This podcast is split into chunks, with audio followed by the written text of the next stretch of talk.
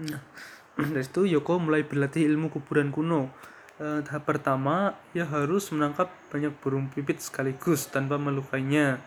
Nah, di akhir di akhir episode tersebut, si Yoko kecil sudah beranjak remaja, namun kelakuannya masih seperti anak-anak. Jadi, meskipun eh, setelah lama berada di kuburan kuno, meskipun badannya sudah membesar, tapi sifat kekanakannya itu masih eh, ada pada si Yoko ini.